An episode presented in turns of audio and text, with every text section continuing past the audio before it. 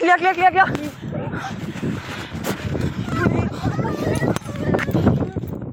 ဒါဟာကလေးငယ်တွေပျော်ပျော်ရွှင်ရွှင်နဲ့ပြေးတန်းလိုက်တန်းကစားနေတာတော့မဟုတ်ပါဘူး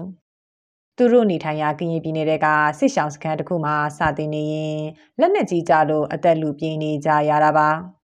စာတင်ကန်တွေအပါအဝင်စစ်ရှောင်းစခန်းတွေအရက်သားအများစုရှိရာနေရာတွေကိုစစ်ကောင်စီတပ်သားတွေရဲ့လေရင်နဲ့ပြစ်ကတ်တိုက်ခိုက်မှုတွေကြောင့်ကလေးငယ်တွေဟာစစ်ပွဲရဲ့မြေစာပင်ဖြစ်ခဲ့ရပါတယ်။လောကကြီးအကြောင်းဘာမှမသိသေးတဲ့အရွယ်မှာပဲအချမ်းဖက်ဖန်ဆီးခံလိုက်ရတဲ့မိသားစုတွေရုတ်တရက်ကြလာတဲ့လက်နက်ကြီးတွေကြောင့်အသက်သေဆုံးခဲ့ရတဲ့အတိုင်မြုံတွေကိုမျက်မြင်ကြုံတွေ့ရတဲ့ကလေးငယ်တွေစီမှာစိတ်တန်ရာတွေဟာကိန်းအောင်နေနေပါပြီ အခုဆိုလေရင်တန်ကြားတာနဲ့အမိထမိန်ကိုလှန်ဆွဲရင်လုံခြုံမလားဆိုတဲ့စိတ်နဲ့ပုံခုတတ်တဲ့အလေးအကျင့်တွေကိုစစ်ရှောင်းစကန်ကကလေးငယ်တွေဟာအလိုလိုမသိယူပဲတက်ခဲရတာပါပြီးခဲ့တဲ့ဇွန်လလ9ရက်ကလည်းချင်းပြည်နယ်ဝုံခုံရွာကိုစစ်ကောင်စီကတိုက်လေရင်နဲ့ပုံကျဲတိုက်ခိုက်ခဲ့တဲ့အတွက်ကြေးရွာစာတင်ကျောင်းနဲ့လူနေအိမ်တွေပျက်စီးခဲ့ရပါတယ်။ အဲ့ဒီနေ့ကကြောင်းပိတ်ရက်ဖြစ်တာကြောင့်ကလေးတွေအသက်ဘေးကနေလွတ်မြောက်ခဲ့တယ်လို့ဒေသခံတွေဆိုကြပေမဲ့စစ်ကောင်စီရဲ့လက်နက်ကြီးနဲ့ပစ်ခတ်မှုကြောင့်အသက်9နှစ်အရွယ်မိန်းကလေးအပါအဝင်အမျိုးသမီး3ယောက်သေဆုံးခဲ့ရပါတယ်။ရွာထဲကိုစစ်ကောင်စီစစ်ကြောင်းဝင်လာတဲ့အချိန်မှာပဲအသက်9နှစ်အရွယ်မိန်းကလေးငယ်မိုက်ပန်ကမိသားစုနဲ့꿰ပြီးတော်တယ်ပြေပုံအောင်နေခဲ့ရတာပါ စစ်ကြောင်းပြန်ထွက်ချိန်မှာတော့တေဆုံးခဲ့တဲ့အလောင်းတွေနဲ့ပျက်စီးခဲ့တဲ့နေအိမ်တွေရဲ့မနီမွေးနေရမှာမိုင်ပန်တယောက်တည်းကွဲကွာသားတဲ့မိသားစုတွေပြန်လာမှာကိုငငန်းကြီးဆောင်နေခဲ့ပါတယ်ဒီလိုမြင်ကွင်းကိုမြင်တွေ့ခဲ့ရတဲ့မင်းတက်မြို့နယ်ပြည်သူ့အုပ်ချုပ်ရေးအဖွဲ့ပြောရေးဆိုခွင့်ရှိသူဆလိုင်းရောမန်ကတမိသားစုလုံးကဝရုံတုံကပြေးကြတော့ဒီလေတော့ထဲကိုရောက်ရောက်တဲ့ရပြေးတော့တာပေါ့နော်လောကကြီးပါဖြစ်နေလည်းသူမတည်ဘူး လူရင်ဆိုလည်းမတည်ပုံကျက်လည်းမတည်တော်လည်းဆိုလည်းမတည်ဘူးပေါ့နော်လူတွေတည်တယ်ဟိုကြယူကြအထောက်အုံတွေပြည့်စည်ကြတနတ်တန်တွေပါကြတဲ့သူပြေးခွာတယ်ပေါ့နော်စိတ်ကြစိတ်ကြကြရကောင်းမှန်းကြောက်ရွံ့ရကောင်းမှန်းတော့မပြီးတော့အောင်ခုံမသွားတဲ့သဘောမျိုးပေါ့နော်လောကကြီးလုံးဝနားမလည်မလို့အခြေအနေပုံစံမျိုးဖြစ်သွားတဲ့အခြေအနေကလေးလေးကြည့်ရတာသူတို့မိသားတွေသူတို့ရဲ့လူကြီးတွေကိုယ်တိုင်ကအော်ဟစ်နေကြတယ်ပုံအောင်းနေကြတယ်ဆိုတဲ့အခြေအနေမှာပေါ့နော်ကလေးတွေကတော့ခုကူတာနဲ့ဖြစ်တာပေါ့ မိုင်ပန်တို့လိုထိလွယ်ရှလွယ်အရွယ်ကလေးတွေဟာဒီလိုကြောက်လန့်တုန်လှုပ်စရာအခြေအနေတွေကိုစစ်အာဏာသိမ်းကာလတခြားအမြင်ဆိုသလိုရင်ဆိုင်ကြုံတွေ့နေကြရပါတယ်ဒီလိုစိတ်အခြေအနေတွေကိုပြန်လည်ကုစားနိုင်မှုအရေးဟာလည်းစစ်တလင်းမြေမှာသာခေါ်လုံနေကြရတာမို့ဘေးကင်းလုံခြုံစွာလှုပ်ဆောင်နိုင်ဖို့ဆိုတာကစိန်ခေါ်မှုတစ်ခုဖြစ်နေတာပါလက်ရှိအချိန်မှာနိုင်ငံတွင်းတိုက်ပွဲတွေကပြည်내နဲ့တိုင်းလိုက်နေစဉ်ဆိုသလိုဖြစ်နေပါတယ်။ စစ်အာဏာသိမ်းချိန်ကစပြီးအခုနှစ်နှစ်ခွဲကာလအထိနိုင်ငံအနှံတိုက်ပွဲပေါင်း9300ကျော်ဖြစ်ပွားခဲ့ပြီးကရင်ပြည်နယ်မှာတော့9000ကျော်ဖြစ်ပွားခဲ့ပါတယ်။ကရင်မှာဆိုလူပေါင်း9သိန်းကျော်အိုးအိမ်ဆုံးခွာထွက်ပြေးတိမ်ရှောင်နေရတဲ့တဝက်ကျော်ကကလေးတွေပါဝင်နေတယ်လို့ကရင်လူအခွင့်အရေးအဖွဲ့ကထုတ်ပြန်ထားပါတယ်။ကရင်အမျိုးသမီးအစည်းအရုံးရဲ့စီးရင်တွေအရဆစ်ဆောင်နေရင်ကလေး140တေဆုံးခဲ့ရပြီးထိခိုက်ဒဏ်ရာရမှုတွေလည်းရှိနေတယ်လို့သိရပါတယ်။ အဲ့ဒီထဲမှာလက်နက်ကြီးထိမှန်မှုကြောင့်တေဆုံးခဲ့ရတဲ့ကလေးငယ်ကအများဆုံးဖြစ်တယ်လို့ဆိုထားပါတယ်။ကြိုက်ပွဲတွေကြားဆစ်ဆောင်နေရင်ရှင်တန်ကြံရစ်တဲ့ကလေးတွေမှာလည်းစိတ်ပိုင်းဆိုင်ရာထိခိုက်မှုတွေရင်ဆိုင်ကြုံတွေ့နေကြရတယ်လို့ကရင်မျိုးသမီးအစည်းအရုံးစီယုံလှုပ်ဆော်ရေးဒါရိုက်တာနော်ဆဲဆဲကဆိုပါတယ်။အာ ငါးနှစ်အောက် ကလေးငယ်တွေဆိုရင် ခဏခဏ ဖျတယ်အဖျားဖျားရင်းနဲ့ အဖျားမပြောက်သေးဘူး ပြေးနေရတယ် အဲ့လိုမျိုး အခြေအနေတွေလည်း ကျမတို့ တွေ့ရတယ်ပေါ့နော်ဆိုတော့ အဓိကကတော့ ကျမတို့ စားနပ်ရိက္ခာတွေကတော့ အချိန်မီ လုံလောက်မှု မရှိဘူး။ဟိုက လုံခြုံရေးအတွက်ကလည်း စိုးရိမ်ရတယ်။ကြောက်ရွံ့တွေနဲ့ပဲ ရှင်သန်နေရတဲ့နေရာမှာ ပိုက်ဆိုင်ရာ ထိခိုက်တာတွေ ရှိတယ်ပေါ့နော်။ကျမတို့ အခြေအနေတွေကတော့ တနေ့ထက်တနေ့ကတော့ သက်သာလာတဲ့အခြေအနေ ကောင်းလာတဲ့မျိုးတော့ မရှိဘူးပေါ့နော်။ပိုပိုဆိုးတဲ့ အနေအထားမှာပဲ ကျမတို့ တွေ့ရတယ်ပေါ့။ကိုယ်စိတ်ဓာတ်လည်းဘယ်တီတိုင်းလဲကိုယ်စိတ်ပွဲ လည်းသုံးသက်တကွယ်တော့သူကမရစေရစကိုင်းတိုင်းဒေသကြီးစလင်းကြီးမှာတော့တပိတ်တွေကိုအခုချိန်ထိဆက်လက်ဆင်နွှဲနေပြီး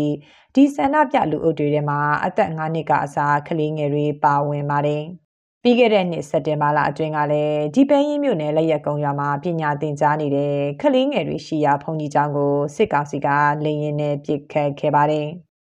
အဲ့ဒီလိုပြစ်ခတ်တိုက်ခိုက်ခဲ့မှုကြောင့်ကလေးငယ်12ဦးအပါအဝင်အရက်သား73ဦးသေဆုံးခဲ့ရပြီးကလေးတွေရဲ့အလောင်းကိုတော့စစ်ကောင်စီတပ်တွေကမိဘတွေစီပြန်မပေးခဲ့ပါဘူး။ပြီးခဲ့တဲ့ဧပြီလအတွင်းမှာလည်းစစ်ကောင်စီကကပ်ဘလူမျိုးနဲ့ဗစီကြီးကျွော်ကိုလေကြောင်းကနေတိုက်ခိုက်ခဲ့တဲ့အတွက်9နှစ်အောက်ကလေးအပါအဝင်အရက်သား180သေဆုံးခဲ့ရပါတယ်။ ဒီလိုစစ်ကောင်စီရဲ့တိုက်ခိုက်မှုကြောင့်တေဆုံးခဲ့ရတဲ့ကလေးငယ်တွေအပါအဝင်18နှစ်အောက်ကလေး400ကျော်အာနာသိန်း2နှစ်ခွဲအတွင်းတေဆုံးခဲ့ရပြီး920ကအခုချိန်ထိဖမ်းဆီးခံထားရပါတယ်။ဒီလိုဖြစ်စဉ်တွေရဲ့နောက်ဆက်တွဲမှာပဲအခုဆိုရင်အသက်10နှစ်အောက်ကလေးငယ်တွေတောင်ចောင်းစာကိုစိတ်ဝင်စားကြတော့ပဲအာနာရှင်စနစ်ကြဆုံးရေးလက်သီးလက်မောင်းတန်းဆန္ဒပြကြွေးကြော်နေကြပါတယ်။ ဒီအခြေအနေတွေဟာကလေးငယ်တွေရဲ့စိတ်ထဲနာကျင်မုန်းတီးမှုတွေကိန်းဝတ်စေပြီးဘဝအနာဂတ်အတွက်စိတ်အနာတရားဖြစ်ပွဲအခြေအနေဖြစ်စေတယ်လို့ရင်းမပင်စနေကြီးကြေရွာပေါင်းစုံလူလူတပိတ်ဦးဆောင်သူကိုလွမ်းသူကပြောပါတယ်ဒီတော်လိုင်းလမ်းစဉ်တွေမှာဆက်တော့ဒီကလေးရွယ်နေမလိုက်အောင်ဟိုပါနေရတယ်ရှိတယ်ဆုံးရစိတ်တွေကြောင့်ပြန်ပြီးတော့ mental health ပေါ့တို့ရဲ့စိတ်ဓာတ်ပိုင်းဆိုင်ရာကျန်းမာမှုဖြစ်လာအောင်ဒီရနရနဲ့ဖိကူနေရတဲ့အခြေအနေမျိုးရှိပါတယ်ဗျဟုတ်ဆိုးရတဲ့စိတ်တန်ရတယ်ပေါ့နော် အကြောင်းတရားဝင်လာပဲဖြစ်ဖြစ်အဲနောက်ဆုံးသူတို့မှဒီနာကြီးမုံပြီးစိတ်အခြေခံပြီးတော့မှအာဒီပေါ်မှာပြန်ပြီးတော့ကလစားချေတုတ်ပြန်လို့တဲ့စိတ်တွေပေါ့နော်ပြောရင်တော့အကြောက်တရားကြီးဆိုးပြီးတော့မှလူတွေနဲ့လူကြားထဲမှာဟိုလူတော်မလို့လူရမဝင်တဲ့အခြေအနေမျိုးတွေကိုကိုယ်ကိုယ်ချင်းချင်းပြင်းနေပြီးတော့မှဘဝမှာဟိုစောက်တရားမဲ့တဲ့အခြေအနေမျိုးတွေရှိလာနိုင်တယ်တော့ကျွန်တော်တို့ဟိုရှိနေတယ်ဗျ ကမ္ဘာ့ကျန်းမာရေးအဖွဲ့ WHO ရဲ့2019ခုနှစ်ထုတ်ပြန်ချက်အရပဋိပက္ခဖြစ်ပွားရာဒေသမှာနေထိုင်သူ9ဦးမှာတဦးကစိတ်ကျန်းမာရေးထိခိုက်နေတယ်လို့ဖော်ပြထားပါတယ်။စိတ်ကျန်းမာရေးဆွေးနွေးပေးတဲ့ဆရာဝန်တွေရဲ့သုံးသပ်ချက်တွေမှာလည်းခလင်းငယ်တွေရတဲ့စိတ်တန်ရာကလူကြီးတွေရတဲ့စိတ်တန်ရာတွေထက်ပိုကြီးတာကြောင့်ကုစားဖို့ခက်တယ်လို့ဆိုပါတယ်။ နောက်ဆက်တွဲအနေနဲ့စိတ်တူလွယ်တာကိုကိုကိုယုံကြည်မှုနေတာတွေအပြင်ပြင်းထန်ရင်တက်သေးတာမျိုးထိဖြစ်လာနိုင်တယ်လို့ဆိုကြပါတယ်။ပြည်သူတွေကိုကျန်းမာရေးနဲ့ပတ်သက်ပြီးဗဟုသုတတွေဝေမျှပေးနေတဲ့ဒေါက်တာပက်ထရစ်ကတော့စစ်မက်ကာလအတွင်းမှာပဲကလေးငယ်တွေရဲ့စိတ်ကျန်းမာရေးအကျွဲထည့်သွင်းစဉ်းစားပေးဖို့လိုအပ်တယ်လို့ဆိုပါတယ်။ဟိုခဏပြုတ်ပြီးွားမယ်ကိစ္စလည်းမဟုတ်သူတို့ရဲ့စိတ်တန်ရာတွေကစိတ်ထဲမှာဆွဲမြဲပြီးသားဖြစ်နေတဲ့ခါကျတော့ဒါတွေကိုပြေပြောင်းအောင်လို့ရေရှည်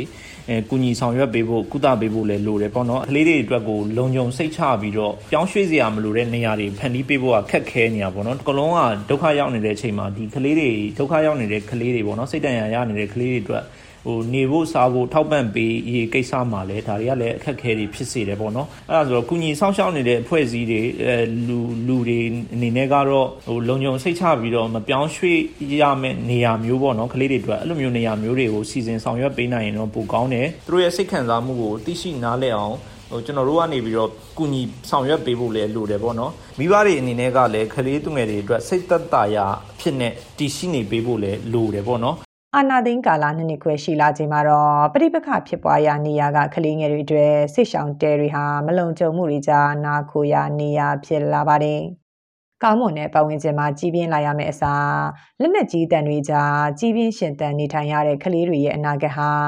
ရုပ်ပိုင်းရောစိတ်ပိုင်းဆိုင်ရာပါအဖက်ဖက်ခဏီထိခိုက်မှုတွေရှိလာမှာကိုသူတို့ဝန်းကျင်ကစိုးရိမ်နေကြတာပါ။ ရုရှားနဲ့ယူကရိန်းစစ်ပွဲကာလအတွင်းမှာတော့စိတ်ထိခိုက်မှုခံစားခဲ့ရတဲ့ကလေးငယ်တွေကိုလုံခြုံတဲ့ရဝင်းတွေနဲ့နှစ်သိမ့်ဆွေးနွေးပေးတဲ့ဆရာဝန်တွေနဲ့အတူထားပြီးထွေးပွေ့ဖက်ထားလို့ရတဲ့အယုတ်တွေစိတ်ခံစားချက်တွေဖော်ပြနိုင်တဲ့အမှုပညာကုထုံးတွေနဲ့ကလေးတွေရဲ့စိတ်အခြေအနေကိုသက်သာစေခဲ့ပါတယ်။မြန်မာနိုင်ငံမှာတော့လက်ရှိစီရေးပဋိပက္ခတွေကြားမှာရောက်နေတဲ့ကလေးတွေအတွေ့ဒီလိုကုစားမှုတွေမစိုးထားနဲ့လုံခြုံတဲ့ရဝင်းတစ်ခုဖန်တီးပေးဖို့တော့မဖြစ်နိုင်တဲ့အခြေအနေပါ။ မပြည့်စုံတဲ့အခြေအနေတွေကြားကနေပဲစိတ်ပိုင်းဆိုင်ရာအထိကိခံစားနေရတဲ့ကလေးတွေကို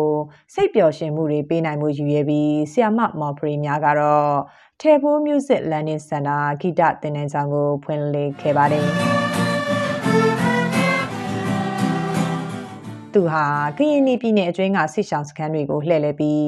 ကလေးငယ်တွေနဲ့အတူဂီတတန်စင်တွေကိုအာရုံစိုက်ရင်းပျော်ရွှင်မှုနဲ့မျှော်လင့်ချက်တွေကိုရှာဖွေတွေ့ရှိစေခဲ့တယ်လို့ယုံကြည်နေပါတယ်။ ဂီတကိုစိတ်ဝင်စားတဲ့ကလေးတွေအများကြီးတွေ့တယ်ပေါ့နော်ဆိုတော့ကသူတို့ကအရင်ကတည်းကစိတ်ဝင်စားပြီးတော့အဲလက်ခွင့်မရတဲ့အရာတွေဖြစ်တယ်လို့လည်းတချို့ကလေးတွေကအဲ့လိုမျိုးပြောပြတယ်ပေါ့နော်အဲအဲ့လိုမျိုးတခြား instrument တွေအဲ့လို violin တို့ piano တို့အဲ့လိုပေးတီးတဲ့အချိန်မှာကျတော့သူတို့အရန်ပြောတယ်ကြိုးလဲကြိုးစားကြတယ်အဲ့လိုစစ်ချောင်းစခန်းတွေမှာအဲ့လိုတွားပြီးတော့ student အချိန်ပုံစံမျိုးနဲ့သူတို့ကတီးပေးရဲ့ခြားကလေးတွေကဆိုတယ်ပေါ့နော်အဲအဲ့လိုမျိုးဆိုသူတို့ကပျော်ရွှင်ပထမချက်နေတယ်သူတို့ပျော်ရွှင်တယ်ပေါ့နော်သူတို့ကဒီတင်တဲ့ပြီးတော့လို့ရှိရင်ဘာလုပ်မလဲတနေရာမှာပြန်ပြီးတော့အဲ့လိုမျိုးတင်ချပို့ချမယ်အဲ့လိုမျိုးတွေပေါ့နော်မျိုးလေးချက်တွေသူတို့စီကနေရရှိရပေါ့နော် ကလေးတွေရဲ့စိတ်ထဲတစားပြီးတစားကိန်းအောင်လာတဲ့နာကျင်မှုဝမ်းနည်းမှုတွေနဲ့အတူထိတ်လန့်မှုတွေကိုအဖော်ပြရင်းသူတို့လေးတွေဟာတနေ့ကြာတိုင်းကိုဖြတ်တန်းနေကြရပါတယ်။မရွေးချယ်ပဲရောက်လာတဲ့ခေတ်ဆိုတဲ့အာနာရှင်စနစ်ဆိုးရဲ့တာကောင်တွေဖြစ်ခဲ့ရတာပါ။ နေ့စဉ်တိုင်းမှာဆစ်ဆောင်စခန်းနဲ့ဒါမှမဟုတ်ကြောတဲ့တောင်နဲ့ဆစ်ဆောင်နေရင်ကြားနေရတဲ့တနက်တန်လက်နက်ကြီးတန်တွေကသူတို့အတွက်နားရင်စရာဖြစ်လာပေမဲ့လေရင်တန်ကြားတိုင်းဘယ်နာပုံခိုရမလဲမသိတဲ့စိတ်ထိခိုက်မှုတွေကတော့ခလေးငယ်တွေအတွက်မကြောက်ကြပဲရလိုက်တဲ့အမွေဆိုးတစ်ခုသာဖြစ်လို့နေပါတယ်ဒီသတင်းဆောင်မကိုတန်လွင်ခက်ကပေးပို့ထားတာဖြစ်ပါတယ်